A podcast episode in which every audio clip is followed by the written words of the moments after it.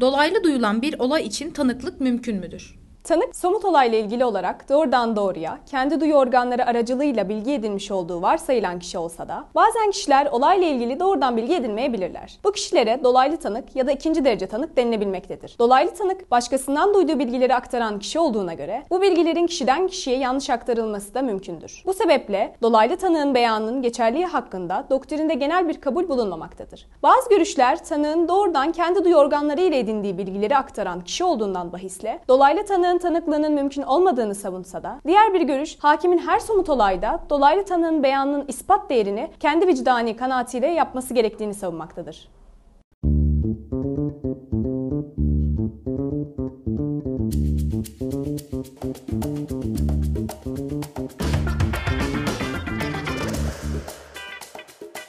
Thank you.